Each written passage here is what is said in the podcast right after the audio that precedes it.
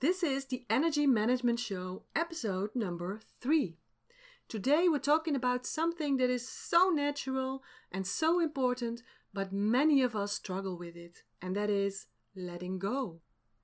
In this episode, I'll tell you why you need to learn how to let go, what the five signals are it's time for you to let go, what the most important reasons are letting go is not always easy. I'll also tell you the three essential steps necessary for letting go, and I'll give you three exercises that you can practice right away. So stay tuned. Welcome to the Energy Management Show, where you learn how to apply the science behind energy to transform your life. I'm your host, Janine Hofs, an energy master with 26 years of experience. I'm determined to take the woo woo out of energy building and recharging and give you practical advice to help you make that shift on the inside to transform your life on the outside. Because you deserve it. So join me on this energy journey and transform your life now. Hi, it's so great that you're here for this very special episode because I know this is something a lot of you struggle with, especially women. Letting go. Letting go of the past, letting go of people, letting go of thoughts and limiting beliefs, letting go of things that no longer suit you, that block your energy, that block you from being free and happy in your life, your career, or your business. To master your energy so you can master your life, you need to learn how to let go. Letting go of things and situations that no longer suit you, no longer serve you, is necessary to create new space for new things, new situations, new possibilities, new thought patterns, even new people in your life that empower you, that give you energy, and that'll help you grow. And of course, I experience this every day in my life the power of letting go and what it can do for you. I used to work as a health and fitness coach and manager in a health club. And this was a family business. My father was the owner, and my mother worked there, my sister worked there. And maybe some of you have experience in working with family. And let me tell you, on one hand, it's a blessing to work with your family, and on the other hand, it's a real challenge. My father was a very smart man with very good ideas, but also he was very stubborn. He knew everything better. So when I suggested something, he would always give his own spin to it, or he would just do whatever he had in mind. And he did this with the big things and big decisions, but also with the smallest things like what color flowers we use in the garden. And I tried to find my own way, my own voice in this company, which I was supposed to take over with my sister. But after years of fighting and breaking my head on how to handle my controlling father, I decided that there was only one solution for me. In order for me to grow, to develop my own talents and what I had to offer the world, I had to let go. I had to let go of my steady income. I had to let go of my position as the one who takes over the business. I had to let go of my father as a boss. And believe me, this wasn't easy because what happened was people were hired to replace me. And my father managed those people the same way he always did. But these people were not daughters. They didn't have the same drive as I had, running a family business and being the one who would take over. So they needed a completely different approach. But that didn't happen, and slowly but surely the business went down, and after a few years, the health club didn't exist anymore. So the decision to let go wasn't easy. But also sticking with my decision was hard, especially because I saw the business going down. I saw my father struggling with all of this, and it affected his finances and his health. It was definitely one of the hardest things I ever did in my life. But it was necessary for me. Otherwise, I think I would still be doing what my father wanted and living my father's dreams. and I would not be where I am today, having helped thousands of people with energy management techniques in and outside of Europe, being an author of a best selling book on energy, being able to work wherever I want, and I would not be the go to person in my field of exp- expertise. By letting go, I shut one door and other doors opened. And that's an important energy rule. When you let go of something, you create a void or a vacuum, and that vacuum always wants to fill itself. What does it fill with? With that in which you put your attention. Because energy flows where your attention goes. This follows the law of vacuum. So letting go is very important for you. In order to master your energy, to master your life, you need to learn how to let go. Do you need to let go of everything all the time? No, of course not.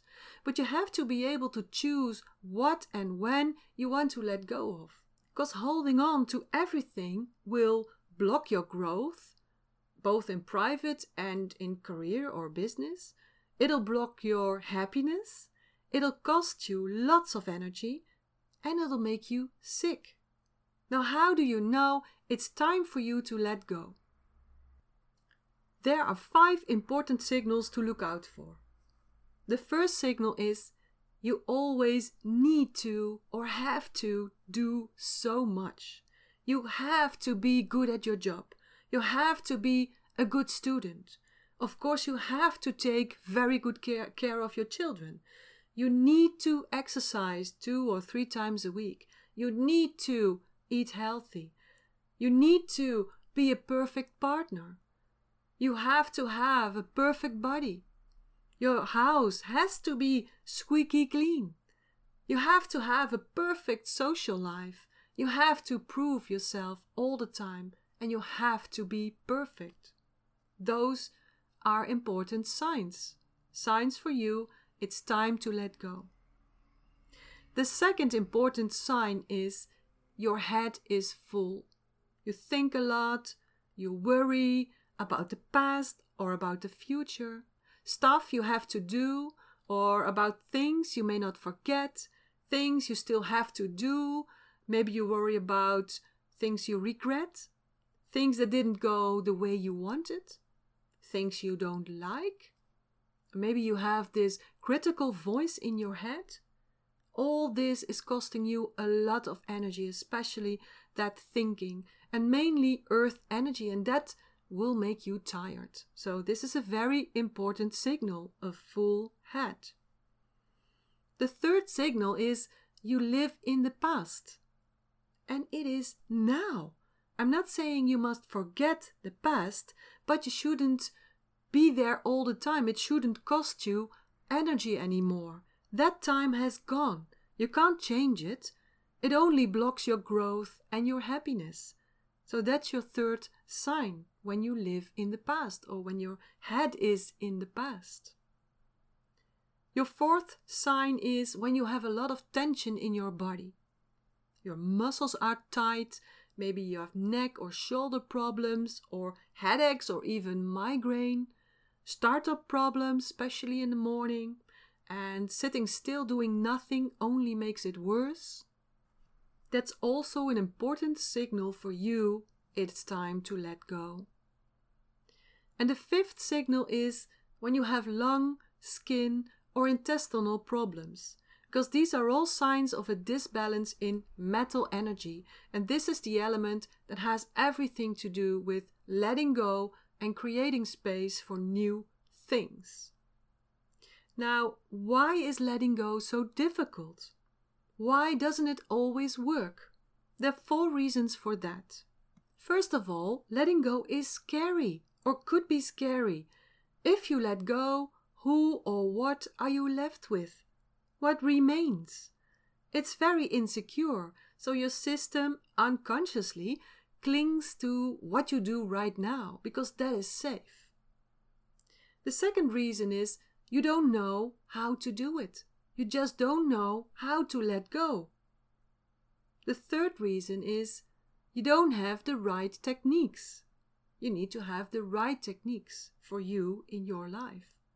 And the fourth reason is if you don't repeat the letting go actions or exercises, then you can't create new neural pathways in your brain, and then you will not create new habits, and then you'll keep falling back into those old behaviors.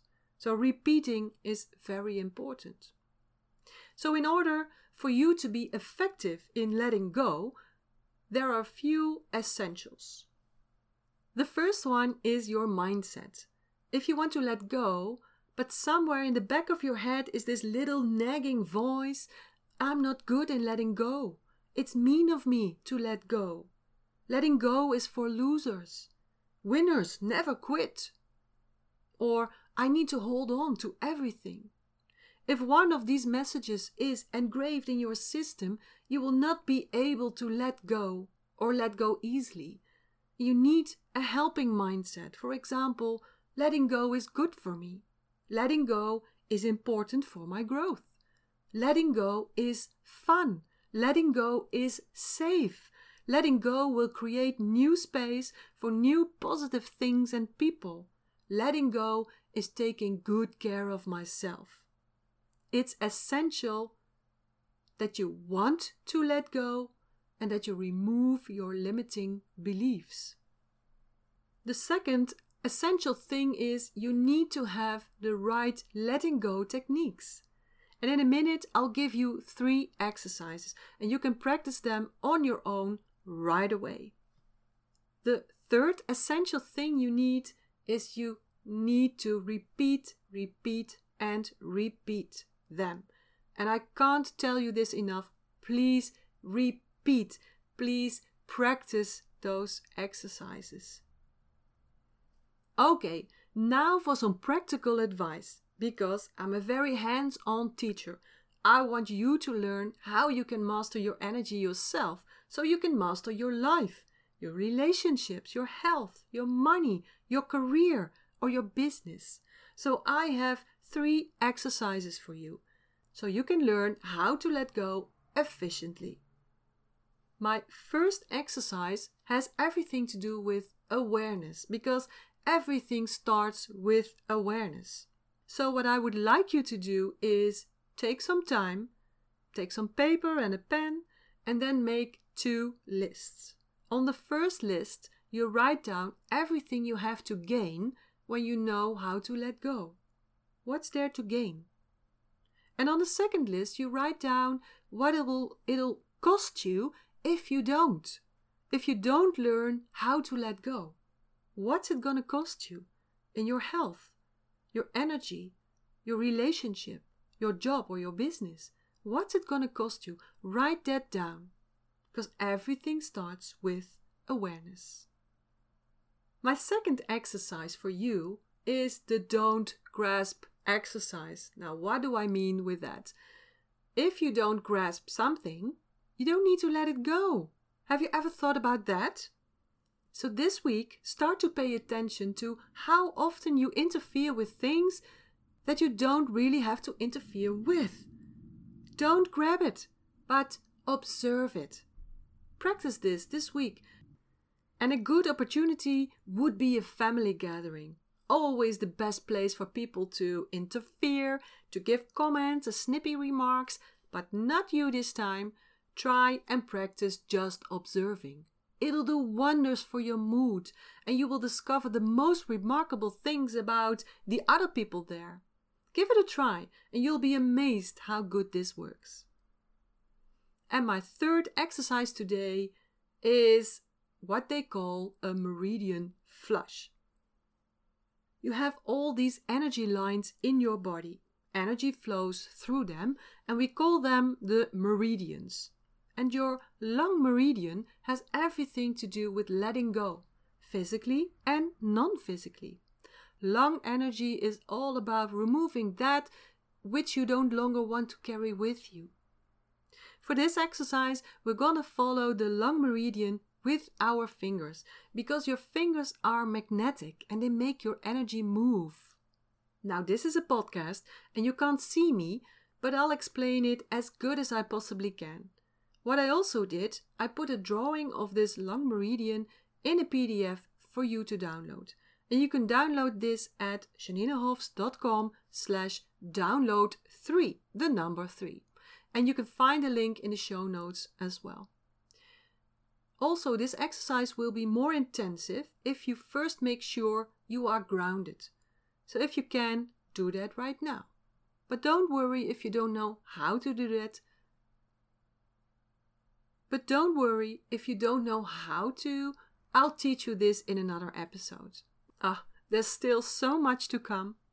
Okay, now wrap your hands. We start following this meridian from the end point to the starting point, and that is at your thumb, at the outer side of your hand, outer side of your thumb. So you put your hand on the outside of your thumb at your nail, and then you stroke towards your wrist. Then you go to the inner part of your elbow and to your shoulder, ending at the space underneath your collarbone. Then you shake off your hand. And then we're going to make the same movement but back again. So from the space underneath your collarbone, you go to your shoulder, to the inner part of your elbow, to your wrist, and then you slide off your thumb in a swift movement. And you repeat this exercise or this movement again twice. So from collarbone, shoulder to outside thumb.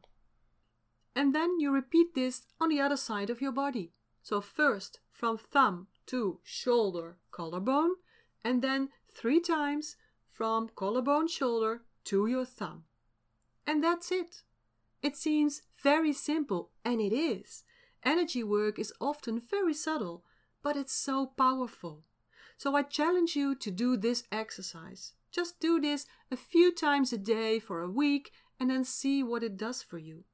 And remember, it's all about having the right mindset, about doing the right exercises. And I gave you three very good exercises today. And last but not least, repeat, repeat, and repeat.